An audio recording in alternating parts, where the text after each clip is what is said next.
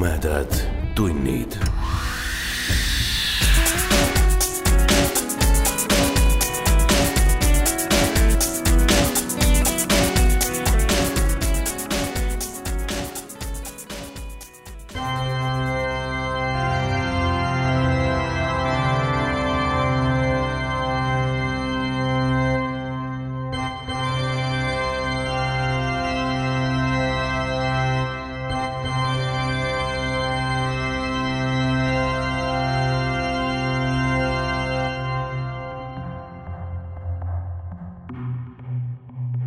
tere, hea ulmesõber, tere tulemast kuulama jutuvestmis podcasti Tumedad tunnid, üht väga erilist osa.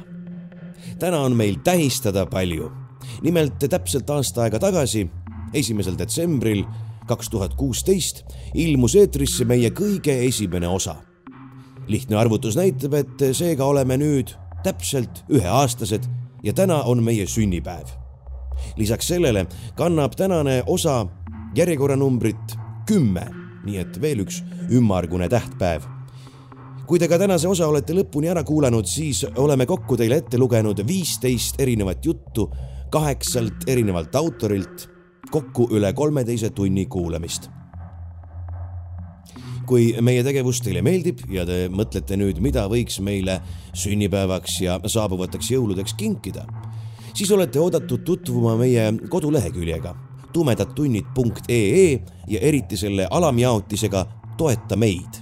seal on meie kingisoovi nimekiri täpselt kirjas. ja suur tänu juba Haljasele ja Juhanile, kes meie Facebooki üleskutset jälgides meile juba esimesed kingitused on teele saatnud. aitäh teile! aga nüüd kolmanda erilise asjani meie tänases osas.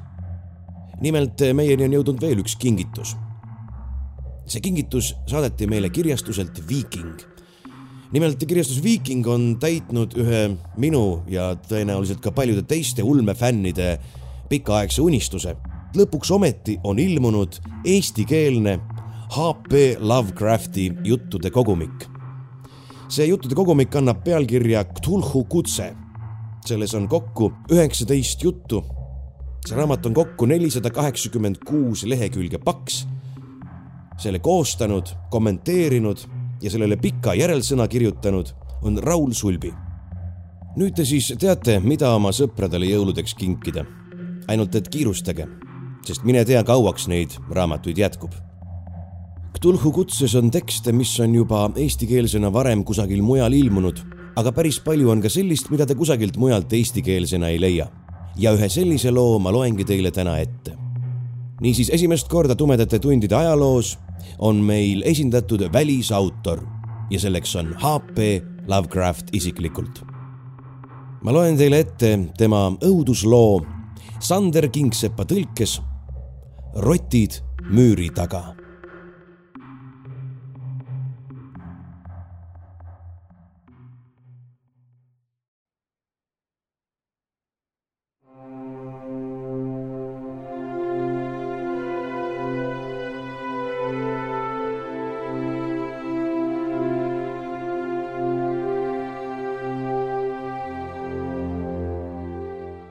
endisesse Exham Priori abikloostrisse kolisin ma kuueteistkümnendal juulil tuhat üheksasada kakskümmend kolm, kui viimane ehitaja oli oma töö lõpetanud.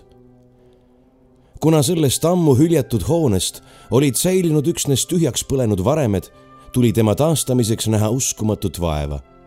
ometi oli Exham Priori minu esivanemate residents ja just sel põhjusel ei hoolinud ma kulutustest. endine abiklooster oli püsinud asustamata alates James esimese valitsusajast, kui selle tolleaegne omanik, tema viis last ja mitu teenrit langesid mingi uskumatult võika ning seletamatu kuriteo ohvriks. omaniku kolmas poeg, minu esivanem ning ühtlasi ainuke ellujäänu sellest neetud soost, oli sunnitud õudusest ja kahtlustustest jälitatuna Inglismaalt pagema. kuna ainuke pärija oli ametlikult kuulutatud mõrvariks läks Exham Priori üle kuninga valdusse. süüdistatu ei püüdnudki temal lasuvatest kahtlustustest vabaneda või endale kuuluvat vara tagasi nõuda. vapustatuna seletamatuste õudusest, mis pidi olema tugevam kui südametunnistus või õiguse mõistmine ning soovides iga hinna eest selle iidse hoone nägemisest ja meenutamisest pääseda, põgenes Walter de la Peur, üheteistkümnes Exhami parun Virginiasse, et panna seal alus suguvõsale, kes järgmisel sajandil sai tuntuks de la Peuri nime all inimtühjaks jäänud Exham Priory liideti hiljem Norrise perekonna valdustega.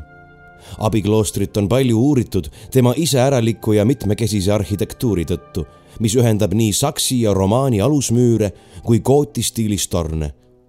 kui kohalikke legende uskuda, on need omakorda rajatud veelgi varasemast perioodist pärinevate Rooma või koguni druiidi või kõmri ehitiste asemele tähelepanuväärne on seegi, et hoone vundament toetub ühe küljega massiivsele lubjakivist kaljujärsakule, mille harjalt avaneb vaade Manchesteri külast kolm miili läänes laiuvale kõledale orule.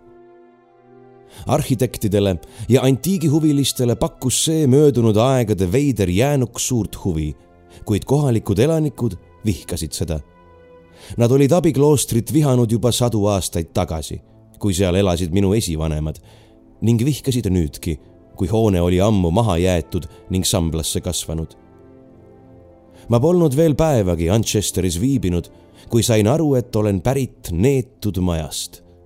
nüüd, sel nädalal lasti Exham Priori õhku ning töömehed on ametis tema viimaste jäänuste maapinnalt pühkimisega.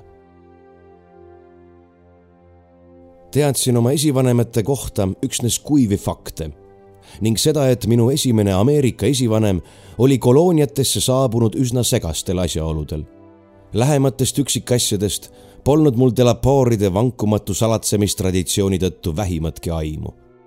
erinevalt naaberplantaatoritest polnud meie suguvõsal kombeks hoobelda ristisõdijatest või renessansi ajastu kangelastest esivanematega. meie perekonnas ei pärandatud edasi ühtegi saladust, kui mitte arvestada pitseeritud ümbrikku mille iga mõisaomanik kodusõja algul oma surmapuhuks vanima poja kätte andis. kuulsus, mille üle delapoorid uhkust tundsid, oli saavutatud pärast kolooniatesse saabumist. see oli uhke ja auväärse, kuigi vahest veidi reserveeritud ning seltsimatu Virginia suguvõsa reputatsioon. Delaporide perekonna varandus hävis sõja ajal ning Carfaxi meie Jamesi jõe kaldal asunud koduistanduse rüüstamine muutis meie kõigi edasist käekäiku. minu eakas vanaisa hukkus tulemöllus. koos temaga hävis ümbrik, mis sidus meid meie minevikuga. mäletan tulekahju niisama selgesti, nagu ma seda seitsmeaastase lapsena pealt nägin. mäletan föderaalarmee sõdurite juubeldamist, naiste nuttu ning neegrite huilgeid ja palveid minu isa kuulus Richmondi kaitsvasse armeesse ning pärast arvutuid formaalsusi lubati meil emaga üle rindejoone minna, et temaga liituda. pärast sõda asusime kõik elama põhja, kust pärines minu ema. Mehe ea ning lõpliku jõukuse saavutasin juba ehtsa jänkina.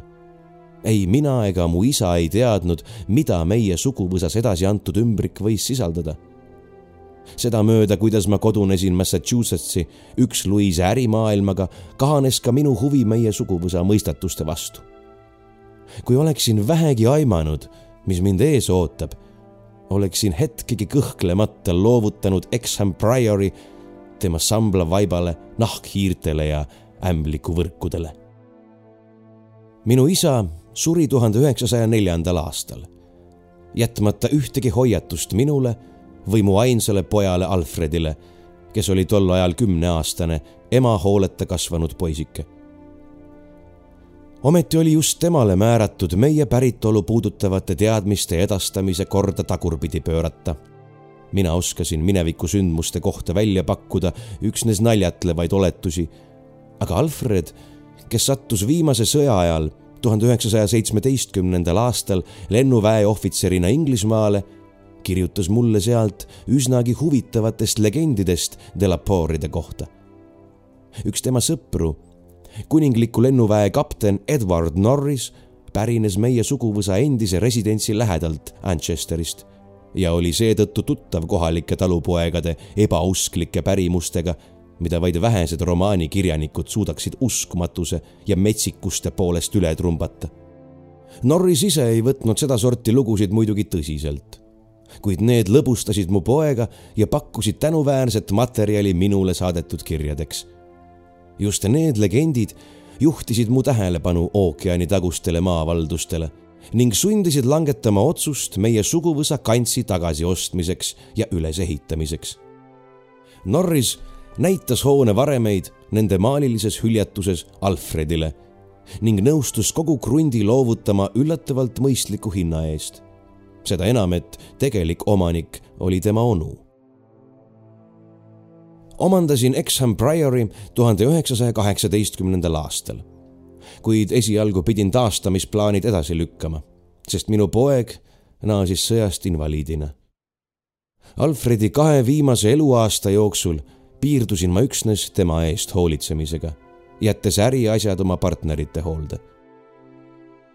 tuhande üheksasaja kahekümne esimene aasta leidis mu eest üksiku, elusihi kaotanud ja ärist loobunud ettevõtjana, kes polnud enam noor otsustasin kõik alles jäänud eluaastad pühendada oma uuele valdusele.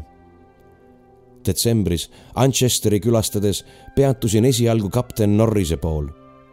too armastusväärne, tüsedusele kalduv noormees oli sõja ajal lahkelt hoolt kandnud minu poja eest. leppisin kapteniga kokku, et ta kogub eelseisvateks taastamistöödeks vajalikke plaane ja ajaloolisi pärimusi. Exham Priori ise jättis mu täiesti külmaks. tol ajal oli see üksnes järsul kaljueendil kõrguv, varisemisohtlik ning sammaldunud ahervare täis künnivareste pesi. põrandad ja igasugune sisustus puudusid, kui mitte arvestada eraldi torne ühendavaid müürilõike. kui olin saanud mingi ettekujutuse sellest, milline võis too hoone olla rohkem kui kolm sajandit tagasi, kui mu esivanem ta maha jättis hakkasin taastamistöödeks ehitusmehi palkama. peaaegu kõiki neid tuli kusagilt kaugemalt otsida, sest Manchesteri küla elanikud tundsid Exham Priori vastu lausa uskumatut hirmu ja viha. Need tunded, mis paistsid hõlmavat nii endist abikloostrit kui selle elanikke, olid nii tugevad, et kandusid pahatihti üle ka mujalt palgatud ehitajatele, sundides neid ette teatamata töölt lahkuma Alfred oli jutustanud, kuidas teda tema külaskäikude ajal Manchesterisse välditi, sest ta kuulus delapooride hulka. nüüd leidsin mina end samal põhjusel tõrjutuna, kuni mul õnnestus külaelanikke veenda, kui vähe ma oma pärandist tegelikult tean. ka pärast seda ei lakanud nad mind süngelt ignoreerimast, nii et lõviosa kohalikest pärimustest kuulsin Norrise käest võib-olla ei suutnud kohalikud elanikud andestada, et olin saabunud neile nii põlastusväärset sümbolit taastama, sest nemad pidasid, olgu siis põhjendatult või mitte, Exham Priorit kui mitte hullemaks, siis kummituste ja libahuntide urkaks. Võrreldes Norrise poolt kogutud pärimusi abikloostri varemeid uurinud teadusmeeste uurimistulemustega jõudsin järeldusele, et Exham Priori asub mingi eelajaloolise templi kohal, mis pidi olema niisama vana kui Stonehenge. enamiku õpetlaste arvates oli seal toimetatud kirjeldamatult jubedaid riitusi ning mõnede legendide kohaselt jätkusid need roomlaste poolt sisse toodud jumalanna Kybele kultuse osana hoone alumises keldris võis veel näha sedasorti ühemõttelisi raidkirju nagu div, ops, magnamat, viide Magna Materile, kelle sünget kultust üritati Rooma riigi elanikele asjatult keelata. nagu arvukad muinasleiud tõestasid, asus Manchesteri kohal keiser Augustuse kolmanda leegioni laager sealne Kübele tempel olevat lausa kubisenud loendamatutest palveränduritest, kes ühe Früügia preestri juhatusel osalesid tseremooniates, millel pole nime. ka selle muistse usundi allakäik ei toonud templiorgiatele lõppu, sest preestrid austasid vanu kombeid ka pärast uue usu võitu. väideti sedagi, et niisugused rituaalid ei lõppenud pärast Rooma riigi hukku saksid olevat templit omakorda laiendanud ja andnud sellele tänapäevani säilinud välisilme, muutes ta poole heptarhia vältel peljatud kultuse keskuseks. umbes aastal tuhat mainis üks kroonika võimsat kivist abikloostrit Exhamis, kus pesitses veider, kuid mõjuvõimas mungaordu ja mida ümbritsesid tohutud aiad, mille kaitseks argliku lihtrahva eest polnud vaja mingeid tõkkeid. ka taanlased jätsid Exham Priori rahule, aga pärast normannide vallutusretke pidi ta ilmselt hirmsal kombel alla käima, sest kui Henry Kolmas tuhande kahesaja kuuekümne esimesel aastal endise abikloostri minu esivanemale Gilbert de la Pore'ile, esimesele Exhami parunile annetas, ei leidunud sellele läänile teisi taotlejaid. kui enne seda pole minu suguvõsa kohta midagi halba üles tähendatud, pidi just siis juhtuma midagi kohutavat. Ühes tuhande kolmesaja seitsmendast aastast pärinevas kroonikas meenutatakse kedagi de la Pore'i kui jumalast neetut. ka selle perioodi rahvapärimused jutustavad süngevõitu, kõhedust tekitavaid lugusid lossist, mis rajati iidse templi ja hilisema abikloostri varemetele. kõige jubedamad olid muidugi sedasorti lood, mida oli kombeks rääkida õhtuti koldetule valgel. Pelglik sõnaahtrus ja mõistukõne lisasid neile omalt poolt õõva minu esivanemaid, on neis lugudes kujutatud teemonitena, kelle kõrval Gilles de Rais ja Marquis de Sade tunduvad mannetute asjaarmastajatena. vihjamisi väideti sedagi, et nad olid süüdi külaelanike kadumises mitme põlvkonna jooksul. Exhami paruneid ja nende otseseid järeltulijaid peeti ilmselt kõige hullemateks või vähemasti neist räägiti kõige rohkem. tolleaegsed allikad kinnitasid, et kui selles suguvõsas sündiski mõni normaalne poisslaps, siis peagi heitis ta eriskummalistele asjaoludel hinge, loovutamaks oma koha mõnele tüüpilisele järeltulijale. näis, et ka perekonna sees eksisteeris mingi salatraditsioon, mida säilitasid perekonnapead ja mille üksikasjadesse pühendati ainult välja valitud pereliikmed. valiku aluseks polnud üksnes sugupuu sest asjasse pühendatute hulka kuulus mitu võõrast, kes olid Delaporide perekonda tulnud abielu kaudu. viienda paruni teise poja Godfrey abikaasast Cornwallist pärinevast Lady Margaret Trevorist sai kogu ümbruskonna laste lemmikhirmutis. Tema on ka ühe eriti võika ballaadi teemonlik kangelanna, mida Walesi piirialadel pole tänini unustatud mitme ballaadi peategelane on ka Lady Mary Delapore, kelle varsti pärast abiellumist Shrewsfieldi krahviga tapsid tema mees ja ämm. vaimulik, kellele mõrtsukad pihtisid seda, mida nad ülejäänud maailmale korrata ei julgenud, andis selle patu mõlemale kurjategijale andeks. Niisugused müüdid ja ballaadid kui primitiivse ebausu tüüpilised näited tekitasid minus suurt vastumeelsust. Nende ühetaolisus ning viited paljudele minu esivanematele mõjusid eriti tüütavalt. süüdistused mingites ebardlikes pattudes tuletasid meelde ainsat minu otseste sugulastega seotud skandaali, mille kangelaseks oli mu Carfaxist pärit noor nõbu, Randolph Delapore, kes pärast Mehhiko sõjast tagasipöördumist neegrite keskele elama asus, et voodoo preestriks hakata. Hoopis vähem häirisid mind segasevõitu lood Lubjakivi kalju jalamil asuvast viljatust orust kuuldud huiletest ja ulgumisest, kevadiste vihmade järel maapinnast tõusnud kalmistu lehast, valkjast, siplevast ja kriiskavast olendist, kes sattus ühel ööl keset lagedat välja Sir John Clavey hobusekapjade alla või teenrist, kes lossis nähtu mõjul päise päeva ajal mõistuse kaotas Need olid täiesti tüüpilised ära leierdatud tondi jutud ning mina kuulusin tol ajal veendunud skeptikute kilda.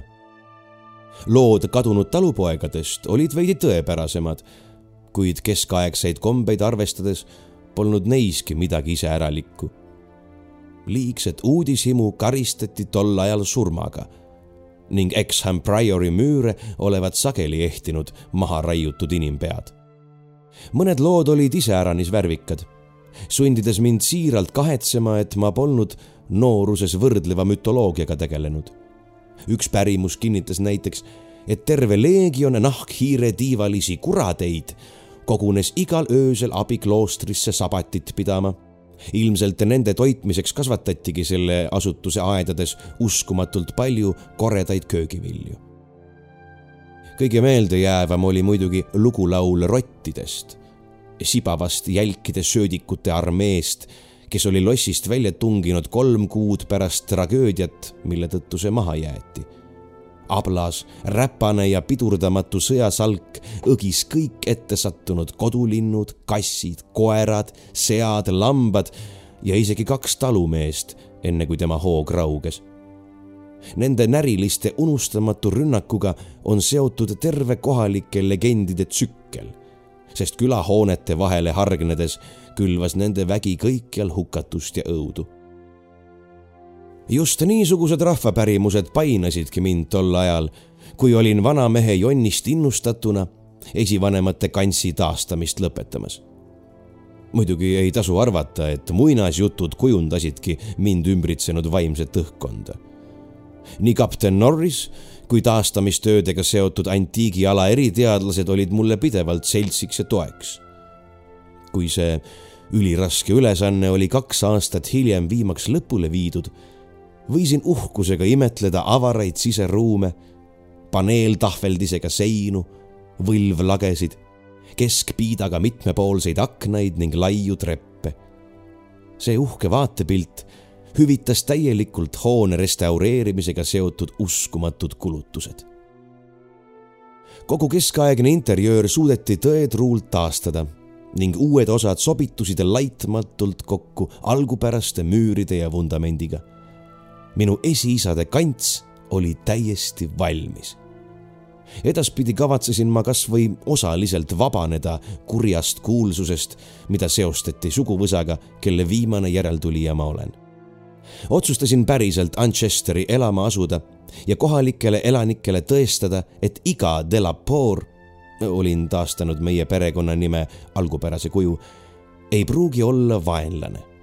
kes teab vahest lisas mulle enesekindlust seegi, et kuigi Exham Priori kujundus oli keskaegne, oli hoone sisemus tegelikult uhiuus ning ühtviisi vaba nii vanadest kahjuritest kui vanadest kummitustest. nagu öeldud, kolisin sisse kuueteistkümnendal juulil tuhat üheksasada kakskümmend kolm. minu kaaskonda kuulusid seitse teenrit ja üheksa kassi viimased on mulle eriti meelepärased.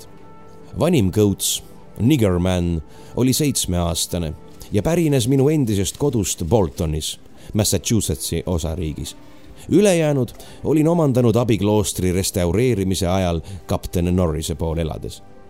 esimesed viis päeva möödusid täiesti rahulikult suurema osa ajast veetsin meie suguvõsa ajalugu puudutavate vanade dokumentide dešifreerimisega vahepeal oli minu kätte sattunud üksikasjalik kirjeldus Walter de Rappeuri tragöödiast ja põgenemisest. tõenäoliselt oli just selle dokumendi koopia hävinud kodusõjas Carfaxi tulekahju ajal. selgus, et minu esivanemat ja tema nelja teenritest kaasosalist süüdistati küllaltki põhjendatult kõigi ülejäänud lossi elanike une pealt tapmises. see juhtus kaks nädalat pärast mingit vapustavat avastust, mis muutis täielikult Walteri käitumist, kuid millest ta ei rääkinud kellelegi, kui mitte arvestada tema kaasosalisi, kes hiljem põgenesid väljapoole tabamisulatust. see ettekavatsetud mõrv, mille ohvriteks langesid tapja lihane isa, kolm venda ja kaks õde, pälvis külaelanike üksmeelse heakskiidu õigusemõistmise esindajad olid sedavõrd hooletud, et ainsal kahtlusalusel õnnestus tervelt ja takistamatult Virginiasse põgeneda. nagu kohalikud elanikud isekeskis sosinal kinnitasid, oli Walter de la Poor oma kuriteoga vabastanud Exham Priori sellel lasunud igipõlisest needusest. ma ei osanud isegi oletada, milline avastus võis teda sundida nii jäledat roima toime panema. arvatavasti oli Walter korduvalt kuulnud süngeid legende oma suguvõsa kohta, nii et vaevalt need teda selleks hirmuteoks ajendasid. võib-olla oli ta juhtunud pealt nägema mõnda iidset jäledat riitust või siis avastanud endises abikloostris või selle ümbruses mõne jubeda tunnismärgi. Inglismaal peeti teda ujedaks ja õrnahingeliseks noorukiks. ka Virginias jättis ta pigem tagakiusatud ja kartliku kui karmi või kibestunud inimese mulje. Francis Harley, üks teine aadlimehest seikleja Bellevue'st, kirjeldab teda oma päevikus kui eeskujulikult õiglast, ausat ja delikaatset meest. esimene iseäralik vahejuhtum leidis aset kahekümne teisel juulil. tookord sai see kohe kergemeelselt peast heidetud, kuid järgnevaid sündmusi arvestades oli tal lausa üleloomulik tähtsus. juhtunu oli iseenesest nii triviaalne, et tundus täiesti ebaolulisena muidu ehk polekski seda tähele pandud, kuid tasub meenutada, et olin elama asunud niisama hästi kui uhi uude hoonesse, kus mind ümbritsesid hoolikalt välja valitud teenrid. eksootilisest ümbrusest hoolimata oleks igasugune kartus olnud sõna otseses mõttes kohatu.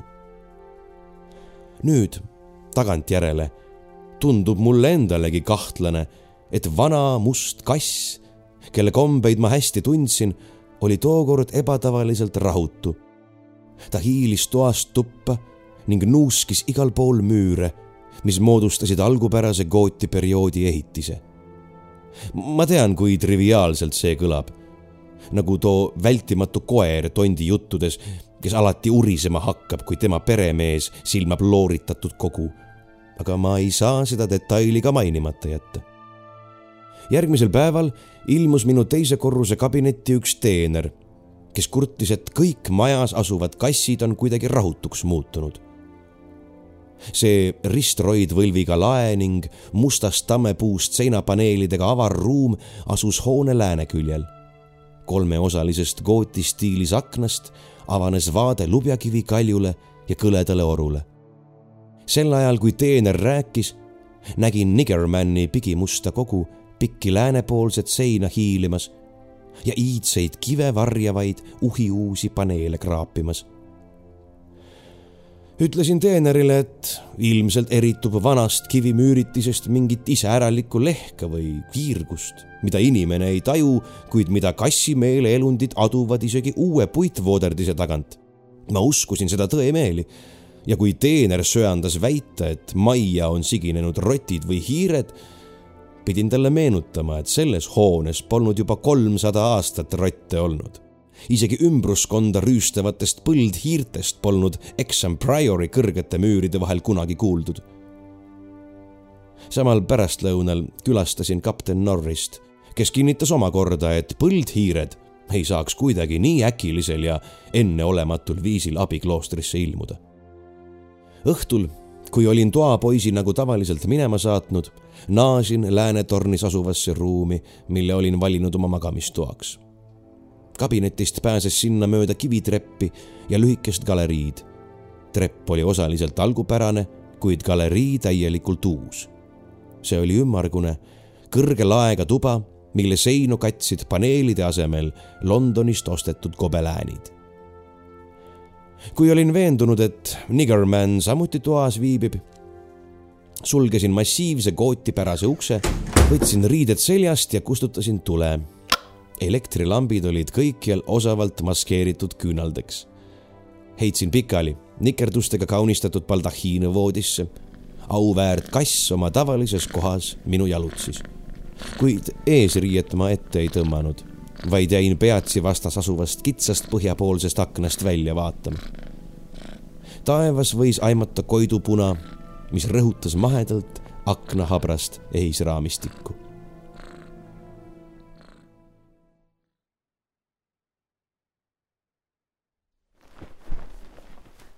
Ilmselt olin vahepeal tukastanud, sest mäletan selgesti, et nägin und kui kassi äge rabelemine mu äratas.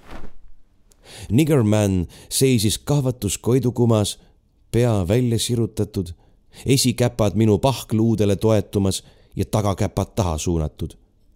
ta uuris pingsalt mingit punkti seinal, aknast veidi lääne pool, kus minu silmad midagi ei märganud, kuid kuhu ma nüüd kogu oma tähelepanu koondasin. hoolikamalt vaadates sain aru, et Niggerman pole asjatult erutatud. ma ei oska kindlalt väita, kas seinavaip liikus või mitte. arvan, et natuke siiski liikus. võin vanduda, et kuulsin selle tagant tasast krabinat, nagu seda tekitavad rotid või hiired. välkkiirelt hüppas kass seinale tõmmates oma raskusega ühe vaiba alla ning paljastades iidse rõske kiviseina, mida ehitajad olid siin-seal kohendanud. närilistest polnud ühtegi jälge. Niggerman jooksis selle koha juures edasi-tagasi, küünistades maha langenud vaipa. näis nagu püüaks ta käppa müüri ja tammepuust põranda vahele lükata. ometi ei leidnud kass midagi ja mõne aja pärast tuli ta väsinult mu jalutsisse tagasi sel ööl ei suutnud ma enam sõba silmale saada. hommikul küsitlesin kõiki teenreid, kuid keegi polnud midagi iseäralikku tähele pannud. ainult kokk pani imeks tema magamistoa aknal lesinud kassi käitumist. südaöö paiku oli too valjusti näuguma hakanud ning kui kokk üles ärkas, nägi ta, kuidas kass toa avatud uksest välja treppi mööda alla jooksis tukkusin keskpäevani välja ja pärastlõunal külastasin uuesti kapten Norrist, kellele minu jutt suurt huvi pakkus. sedasorti imelikud vahejuhtumised, olgugi tühised, aga ometi kummalised, kannustasid tema romantilist natuuri, kutsudes esile hulgaliselt assotsiatsioone tondilugudega.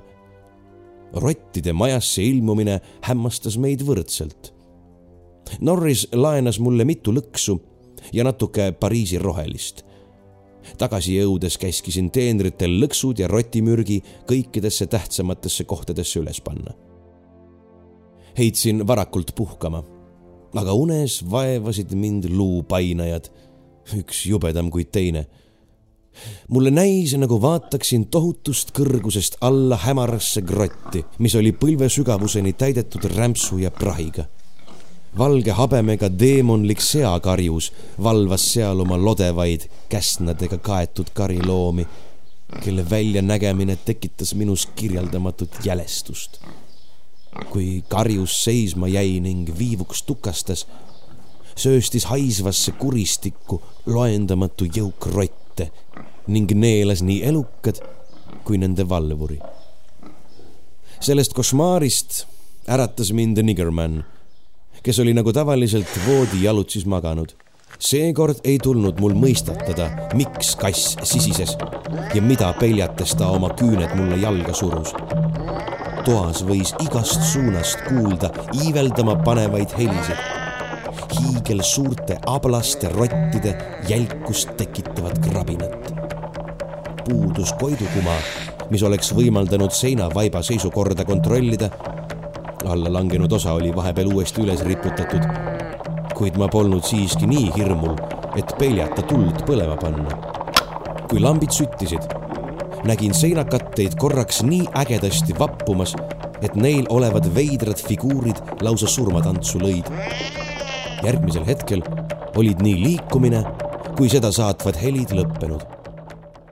hüppasin voodist välja ning tõstsin kätte juhtunud voodisoojendusnõu pika varrega ühe gobelääni üles, et vaadata, mis selle all toimub. seal polnud midagi peale lapitud kivimüüri. isegi kass ei tajunud enam mingite ebaloomulike olendite juuresolu. toas üles seatud hiirelõksu uurides leidsin, et kuigi kõik avad olid kinni langenud, polnud kinni püütud saagist mingit jälge nüüd ei tulnud magamine enam kõne alla. süütasin küünla, avasin ukse ja hakkasin läbi galerii kabineti poole minema. Niggerman kannul. aga enne kivitrepile jõudmist sööstis kass minust mööda, iidseid astmeid pidi alla. kui ma kõutsile järgnesin, kuulsin allpool asuvast suurest keldriruumist helisid, mida ei saanud vääriti tõlgendada tundus, et tammepaneelidega tahveldatud müürid lausa kubisevad rottidest, kelle keskel Niggerman ülekavaldatud küti jõuetus raevus ringi tuiskas. ülemisse keldrisse jõudes lülitasin valguse sisse, kuid seekord müra ei vaibunud. rotid jätkasid oma möllu, tungeldes sellise hoo ja sihikindlusega, et ma lõpuks taipasin. Nende liikumisel oli kindel suund need närilised, keda näis olevat arvutu hulk, laskusid võimsa voona kujuteldamatutest kõrgustest kuhugi sügavikku. kuulsin koridorist samme ja kohe avasid kaks teenrit keldri massiivse ukse. Nad otsisid põhjust, miks kõik kassid olid kogu hoones paanikasse sattunud ja ülepeakaela ülemistelt korrustelt alla tõtanud, et koguneda kräunudes alumise keldri suletud ukse taha uurisin, kas teenrid olid ka rottide liikumist kuulnud, kuid mõlemad mehed vastasid eitavalt. Juhtisin nende tähelepanu puitpaneelide tagant kostvatele häältele, kuid samas taipasin, et müra oli lakanud. Läksin mõlema teenri saatel alumise keldri ukse taha, kuid seal leidsime, et kassid olid juba taandunud. seda ruumi kavatsesin ma hiljem uurida ning esialgu piirdusin hiirelõksude ülevaatusega. kõik hoones üles seatud lõksud olid kinni langenud, kuid saagist polnud mingit jälge. Veendudes, et üksnes mina ja kassid olime rottide liikumist kuulnud, jäin Koidiku saabumiseni kabinetti istuma, et juhtunu üle järele mõelda ning meenutada kõiki legende selle hoone kohta, kus ma nüüd elasin hommikupoolikul tukkusin natuke raamatukogus mugaval toolil, millest ma kogu hoone keskaegsest stiilist hoolimata loobuda ei suutnud. Pärastpoole helistasin kapten Norrisele, kes tuli ise kohale, et aidata mul alumist keldrit üle vaadata. midagi iseäralikku me ei avastanud. kuid teadmine, et see krüpt oli püstitatud Rooma ehitusmeistrite kätega, pani meid mõlemaid põnevusest värisema kõik need madalad võlvid ja massiivsed piilarid olid ehtsalt roomapärased, mitte võltsis romaani stiilis või sakside poolt vusserdatud, vaid et Caesarite ajastu klassitsistlikult ranges ja harmoonilises ehituslaadis. vähe sellest, keldri müüre katsid raidkirjad, mida antiigi asjatundjad olid korduvalt uurinud. Getae prop temp dona ja l praex pontifatus. Attise nimi ajas mulle kananaha ihule, sest olin Catullust lugenud ja teadsin nii mõndagi tollele idamaisele jumalusele pühendatud jubedatest rituaalidest. Attise kummardamine oli ju kübele kultusega otseselt seotud püüdsime Norrisega laterna valgel aru saada pooleldi kustunud kujutistest ebakorrapärastel neljakandilistel kivitahukatel, mida üldiselt peeti altariteks. kuid see ei läinud meil korda. meile meenus, et üks konkreetne sümbol, kiirtega ümbritsetud päikeseketas, polnud õpetlaste arvates Rooma päritoluga Nemad väitsid, et Rooma preestrid olid need altarid üle võtnud mingist tunduvalt vanemast ning võib-olla koguni kohalike elanike püstitatud pühamust. ühte kivitahukat katsid pruunid laigud, mis andsid mu fantaasiale uut hoogu. ruumi keskel asuva kõige suurema altari pealispinnal oli jälgi kokkupuutest tulega. tõenäoliselt oli seal põletatud ohvriande niisugune oli too krüpt, mille ukse taha kassid olid kräunuma kogunenud ning kus meie Norrisega otsustasime Niggermanni seltsis järgmise öö veeta. teenrid, kes olid sinna meie jaoks sohvad toonud, said käsu kasside öisest käitumisest mitte välja teha. otsustasime keldri suure tammepuust ukse tegelikult oli see muidugi moodne ventilatsiooniavadega varustatud koopia tihedalt sulgeda. kui uks oli kinni pandud, jäime laternavalgel ootama, mis edasi saab. kelder asus endise abikloostri alusmüüritises ning ühtlasi esileulatuva lubjakivi kalju sügavaimas osas. kahtlemata oligi see kalju rottide seletamatu rännu siht. kuigi ma ei osanud arvata, mida nad sealt otsisid. keldri ukse taga lesides ja oodates kippusid mind taas kimbutama segasevõitu unenäod, millest sohva jalutsis valvava kassi rahutud liigutused mind iga natukese aja tagant üles äratasid. ükski unenägu polnud küll terviklik, aga kõik nad olid ühtviisi jubedad, nagu too, mis mind eelmisel ööl painas, kus seakarjus valvas keset prahimägesid hulkuvaid käsna kasvanud elajaid. vaadates tundusid sead aina lähemale jõudvat ja selgemaks muutuvat, nii et võisin juba nende vahel vahet teha. jäin ühe eluka lõusta silmitsema ja ärkasin nii valjusti karjatades, et Niggerman püsti kargas ja kapten Norris laginal naerma puhkes. kui Norris oleks teadnud, mis mind ehmatas, oleks ta veelgi rohkem naernud. aga võib-olla ka vähem. see, mida ma olin näinud, meenus mulle alles hiljem. ülim õudus suudab mälu sageli säästval kombel halvata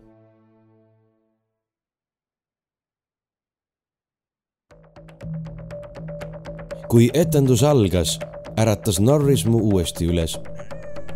toibusin sellest samast õudsest luupainajast kapteni raputuse peale, kes soovitas mul kasside kisa kuulata.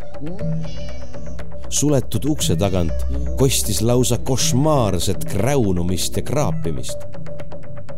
Niggerman ei pööranud oma liigikaaslastele vähimatki tähelepanu, vaid jooksis erutatult pikki paljaid kivimüüre mille suunast ma kuulsin sedasama tuttavat rottide krabinat, mis oli mind ka eelmisel ööl häirinud. mind valdas kohutav hirm, sest seisin taas vastamisi mõistatusega, mida oli võimatu seletada. kui need rotid polnud üksnes meelepette, mis vaevas nii mind kui kasse siis pidid nad liikuma Rooma-aegsete massiivsest lubjakivi tahukatest müüride sisemuses. võib-olla oli enam kui seitsmeteistkümnenda sajandi jooksul nõrgunud vesi uuristanud kivide vahele tunnelid, mille loendamatud närilised suutsid oma kehadega piisavalt avaraks lihvida. ent isegi see oletus ei vähendanud mind vaevavat hirmu kui need olid tõepoolest rotid, siis miks Norris ei kuulnud nende jälki krabinat? miks palus ta mul jälgida Niggermanni ja kuulata ukse taga kräunuvaid kasse? miks esitas tema täiesti totraid oletusi kasside ärevuse põhjuste kohta? Kui ma lõpuks suutsin kaptenile selgeks teha, mida ma arvasin kuulvat, kostis veel üksnes vaibuvat sahinat mis oli laskunud sügavamale kõige sügavamast keldrisopist. viimaks tundus nagu kihiseks terve kalju meie jalge all rändlevatest rottidest. Norris polnudki nii skeptiline, kui olin arvanud. minu selgitus vapustas teda südamepõhjani. Ta pööras mu tähelepanu asjaolule, et kassid keldri ukse taga olid oma kontserdi lõpetanud nagu leppides sellega, et nende saak on põgenema pääsenud. Niggermanni tabas seevastu uus ärevushoog ja ta hakkas erutatult Norrise sohva lähedal asuva suure kivialtari alust kraapima. jälle valdas mind suur hirm tundmatuse ees. Meie silme all oli juhtunud midagi ilmvõimatut ja ma nägin, et kapten Norris, noorem vastupidavam ja tõenäoliselt ka hoopis materialistlikuma maailmavaatega mees oli niisama vapustatud nagu ma ise. võib-olla oli selle põhjuseks tema eluaegne tihe kokkupuude kohalike legendidega. esialgu ei jäänud meil muud üle, kui jälgida vana musta kõutsi, kes üha kahaneva innuga altari alust kraapis, vaadates aeg-ajalt meie poole ja näugudes nagu tal minu käest midagi nurudes ikka kombeks oli. Norris lähendas oma laterna altarile ja uuris kohta, mida Niggerman oli kraapinud. ta laskus põlvili ja eemaldas sajandite vanuse sambla kihi, mis oli kasvanud massiivse Rooma-eelse kiviploki ja malemustrilise põranda liitumiskohale. Ta ei avastanud midagi ning tahtis juba käega lüüa. siis aga märkasin mina üht detaili, mis pani mu ärevusest värisema. ehkki midagi selle sarnast ma olingi oodanud. ma ütlesin Norrisele, milles asi ja me jäime avastamisrõõmust innustatuna tükiks ajaks seda peaaegu tähelepandamatut ilmingut tunnistama. altari lähedale asetatud lambi leek võbises kergelt tuuletõmbuse käes. tuul puhus sealtsamast altari ja põranda vahelisest praost, kust Norris oli sambla eemaldanud. kogu ülejäänud öö veetsime eredasti valgustatud kabinetis, arutledes, mida edasi teha. tegelikult oleks meile piisanud juba ainuüksi avastusest, et hoone all roomlaste vanimast müüritisest sügavamal asub mingi ruum, mille olemasolu teadlased polnud kolme sajandi jooksul isegi mitte aimanud. see mitmekordistas avastuse võlu ja me jäime viivuks kõhklema, kas loobuda otsingutest ja abiklooster ebauskliku ettevaatuse ajal igaveseks hüljata või järgida oma seiklushimu hoolimata sellest, millised õudused meid seal tundmatutes sügavikes võivad ees oodata.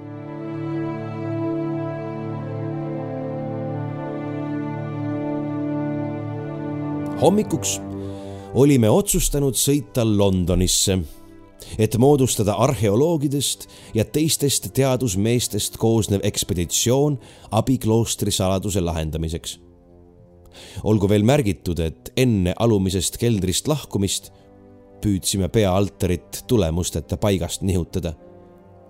meie Norrisega olime veendunud, et seal peabki asuma nimetu õuduse värav.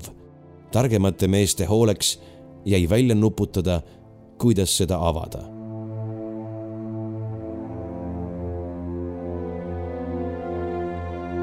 Londonis esitasime kõik meie käsutuses olevad faktid, oletused ja ajaloolised legendid viiele üldtunnustatud autoriteedile. olime veendunud, et võime neid mehi usaldada, ükskõik milliseid perekondlikke saladusi eelseisvad väljakaevamised ka ei paljastaks. enamik asjaosalisi oli meie jutust tõsiselt huvitatud. Pole vajadust kõiki nimepidi nimetada. piisab, kui mainida Sir William Brintoni kelle väljakaevamised Troojas hoidsid omal ajal põnevil kogu tsiviliseeritud maailma.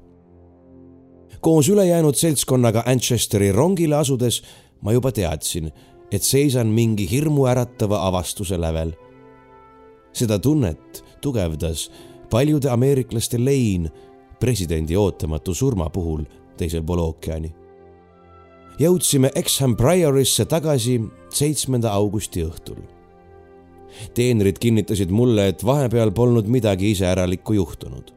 kassid, nende seas ka vana Niggerman, olid jäänud täiesti rahulikuks ning ükski majas üles pandud lõks polnud kinni langenud. kavatsesime juba järgmisel päeval uuringuid alustada. seniks saatsin kõik külalised neile määratud tubadesse puhkama. heitsin ka ise läänetorni puhkama. Niggerman jalutsis. uni tuli ruttu kuid taas vaevasid mind painajalikud unenäod.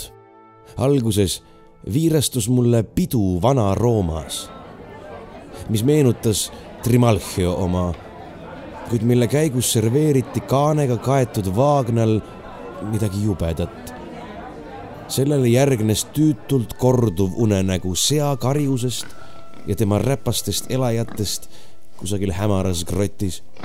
kui ma ärkasin oli väljas juba täiesti valge. hoone alumisel korrusel kostis igapäevaste toimetuste hääli. nii elavad kui kujuteldavad rotid polnud mind enam häirinud ja Niggerman magas veel rahumeeli. alumisele korrusele jõudes leidsin sealgi valitsemas samasuguse meeleolu.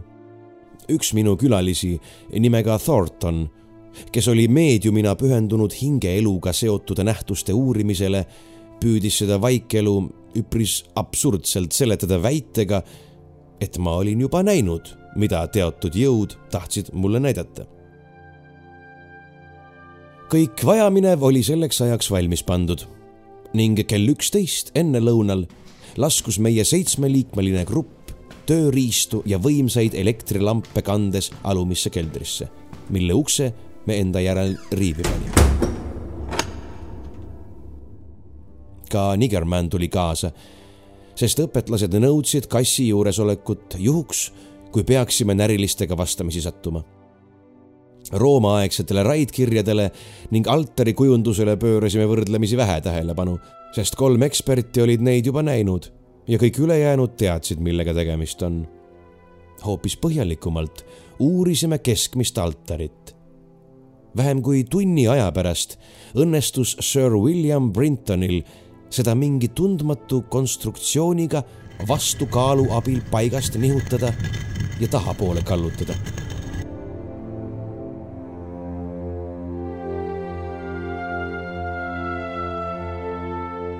meie silmadele avanes nii õudne vaatepilt, et ilma eelneva ettevalmistuseta oleks see võinud meid kergesti jalust rabada.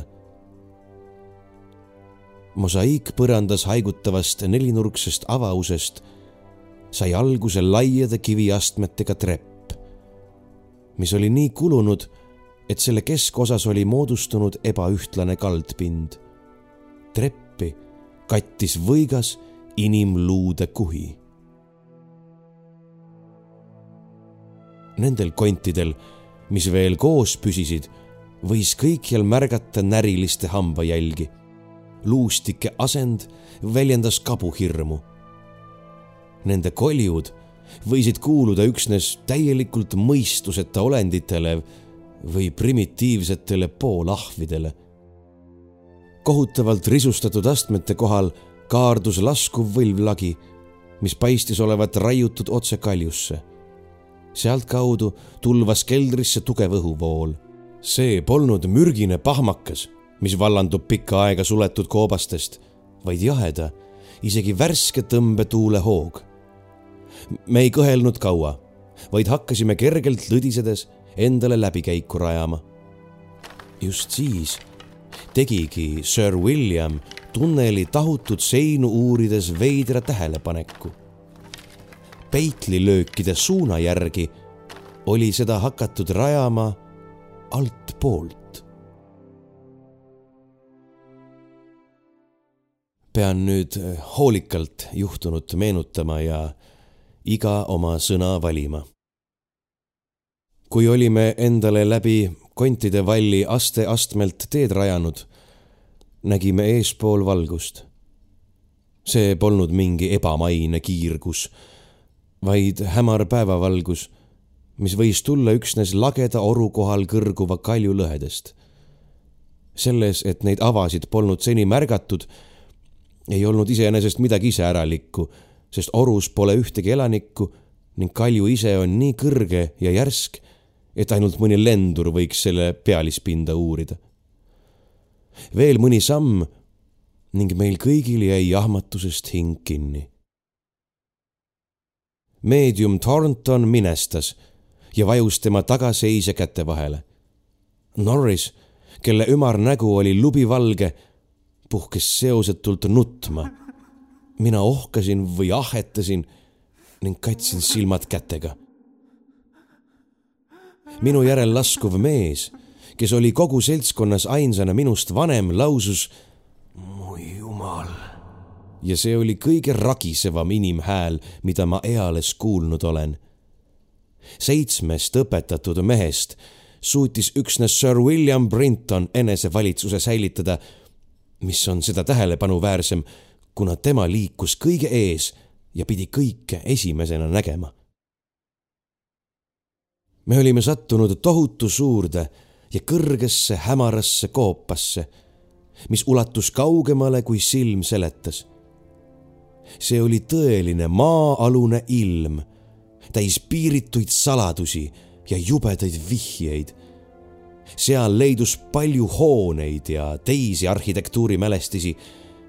ühe ainsa ehmunud pilguga silmasin kalmekääbaste veidraid ridu, dolmenite rohmakat ringi, madala kupliga Rooma hoone rususid, lösakile vajunud saksi onni ja iidset Inglise puitkoda. kuid siinse maapinna väljanägemine varjutas neid peaaegu täielikult. Juba trepiastmete lõpus kerkis mitme jardi kõrgune luuderägastik. Need jäänused meenutasid inimeste omi vähemalt niisama palju kui need, mis treppi katsid. luud ja kondid ulatusid kaugusse nagu vahuse mere lained. osa neist oli juba lagunenud, kuid ülejäänud püsisid veel tervelt või osaliselt skelettidena koos. Kusjuures viimased olid tardunud teemonlikku raevu väljendavatesse poosidesse, kas mingit hädaohtu tõrjudes või kannibalistliku kavatsusega teiste luukerede külge klammerdudes. kui meie antropoloog doktor Trask asus koljusid klassifitseerima, avastas ta mingi iseäraliku segavormi, mis teda äärmiselt üllatas. evolutsiooniredelil asus see Piltdowni inimesest madalamal, kuid kahtlemata olid kõik need koljud ikkagi inimeste omad. osa oli ka kaugemale arenenud kuid väga vähesed kuulusid mõistusega olenditele.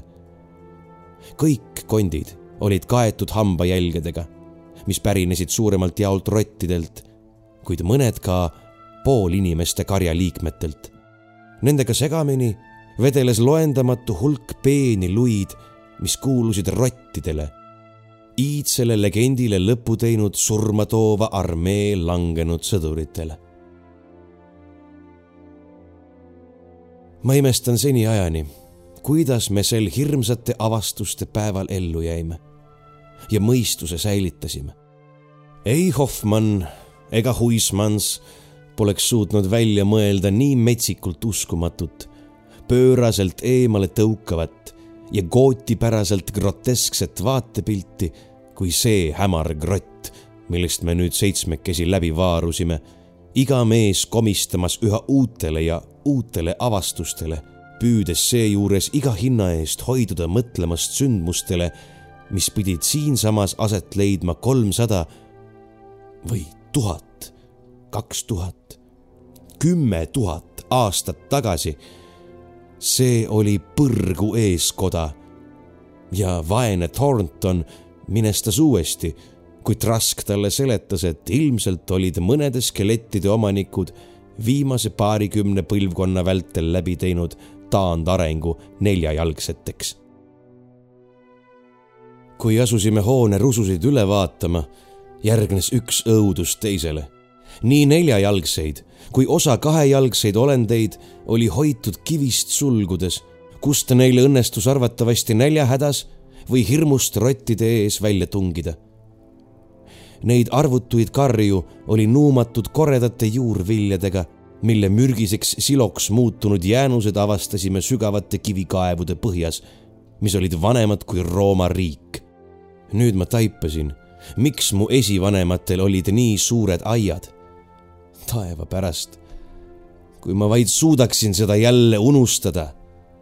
mis otstarbel neid karju kasvatati, on küsimatagi selge elektrilamp käes kirjeldas Rooma kabelivaremete vahel seisev Sir William meile valjusti kõige šokeerivamat rituaali, mida ma eales kuulnud olen.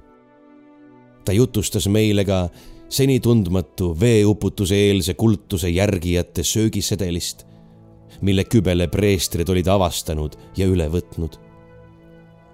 Norris, kes oli harjunud kaevikute õudustega ei suutnud pärast Inglise puitkojast väljumist end enam sirgu ajada. nagu ta arvas, asusid seal köök ja lihuniku töökoda, kuid tuttavate tarbeasjade nägemine sellises kohas ja tuttavad grafitid seinal, millest viimased olid kirja pandud aastal tuhat kuussada kümme, olid talle liiga rängaks katsumuseks. mina ei suutnudki siseneda hoonesse milles teemoneid väärivate roogade valmistamine oli lõppenud üksnes minu esivanema Walter de la Peuri pistoda läbi. ometi julgesin käia madalas saksi hoones, mille tammine uks oli maha langenud. Avastasin sealt kümme roostes trellidega kivikongi, mille asukad pidid kuuluma mõistusega olendite hulka. ühe luukere nimetis sõrmes märkasin omaenda suguvõsa vapiga sõrmust. Sir William leidis Rooma kabeli alt võlvkeldri veelgi vanemate vangikongidega, mis olid tühjad. kongide all asus madal koobas, kus olid kastid korralikult ritta laotud inimluudega, millest osa kandis ühe ja sama jubeda sisuga kirjamärke ladina, kreeka ja früügia keeles.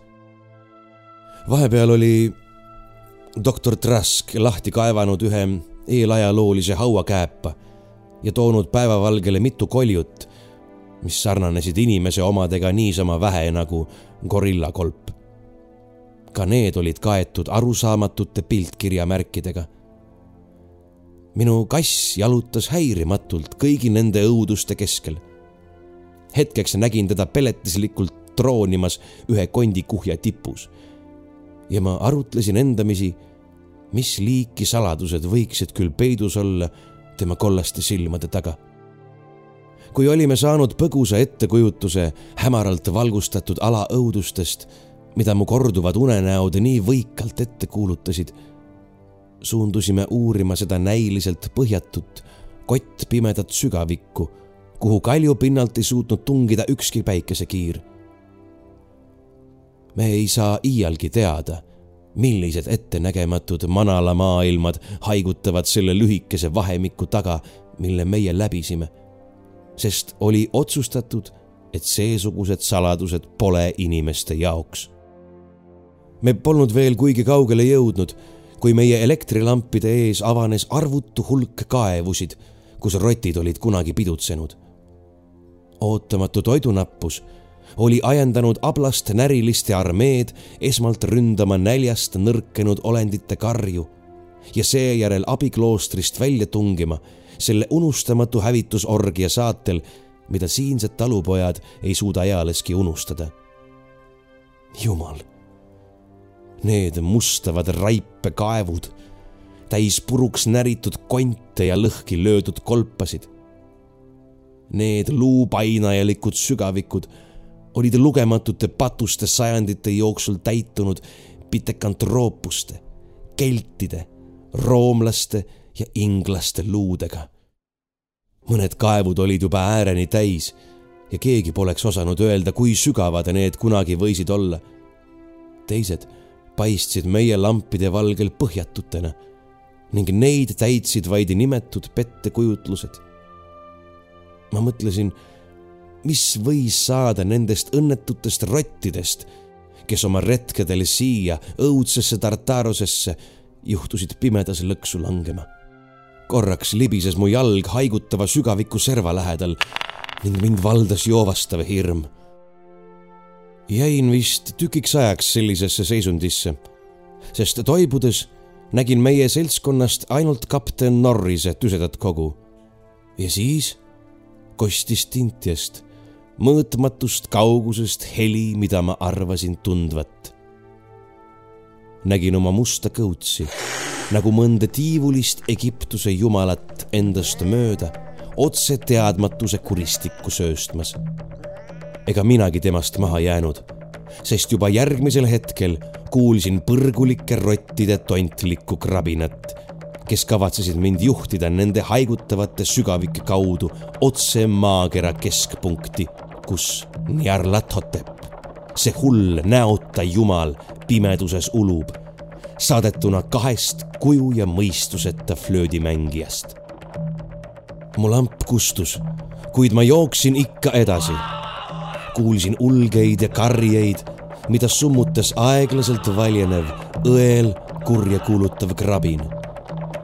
see tõusis tasakesi, nii nagu jäik, pundunud laip tõuseb Õlija jõe pinnale, mis lõputute oonüks sildade alt musta roiskuva mere poole voolab.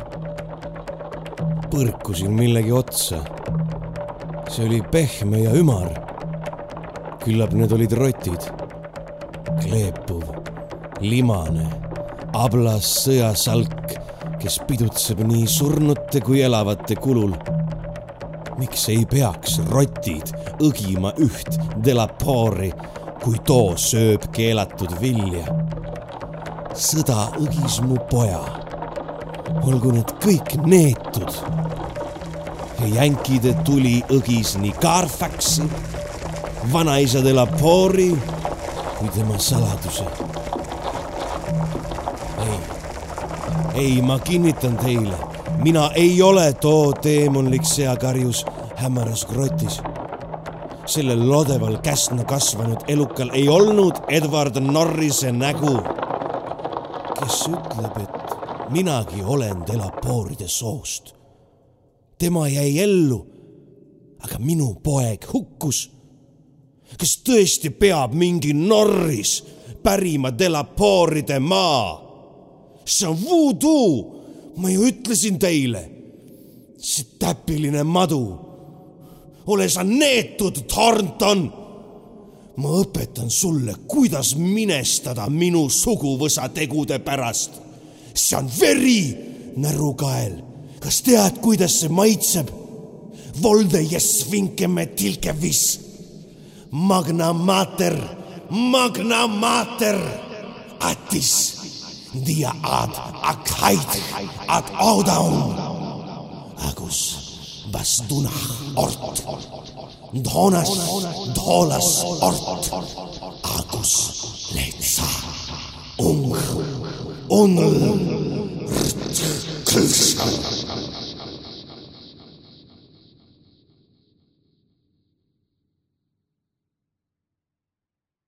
Nad väidavad, et mina olevat neid sõnu korranud, kui nad leidsid mu kolm tundi hiljem pimedas kapten Norrise pooleldi õgitud laiba kohal kükitamas.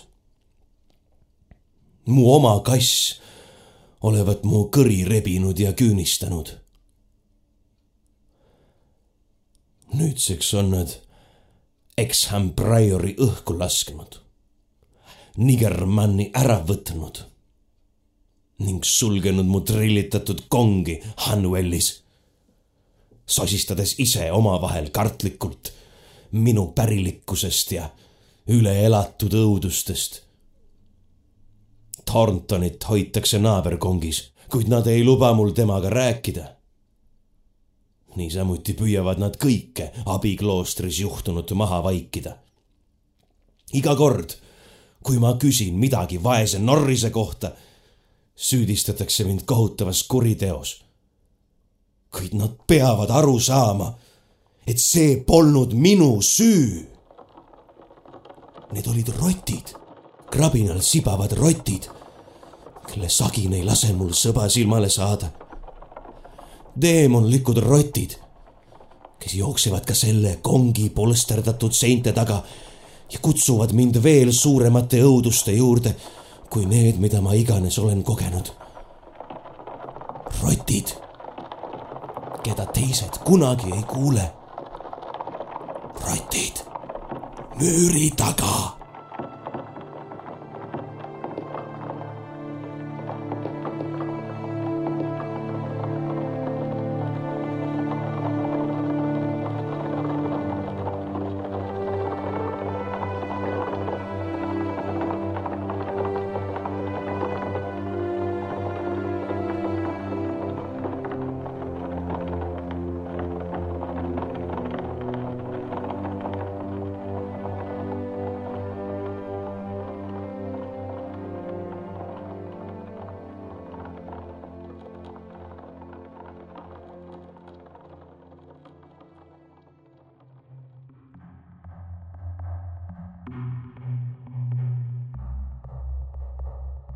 ja ongi meie esimene sünnipäev õhtusse jõudnud.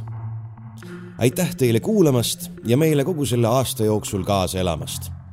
tehke seda kindlasti ka järgmised ja järgmised ja järgmised aastad. külastage meid Facebookis, jagage meid sõpradega, käige meie koduleheküljel tumedadtunnid.ee ja kui te seal juba olete, siis vaadake üle ka meie kingisoovi nimekiri, mis asub pealkirja all Toeta meid kuigi meie ajaarvestuses algab tänasest uus aasta, siis sellesse kalendriaastasse jääb meil veel üks osa. see jõuab teieni jõulupühade paiku. nii et kuulmiseni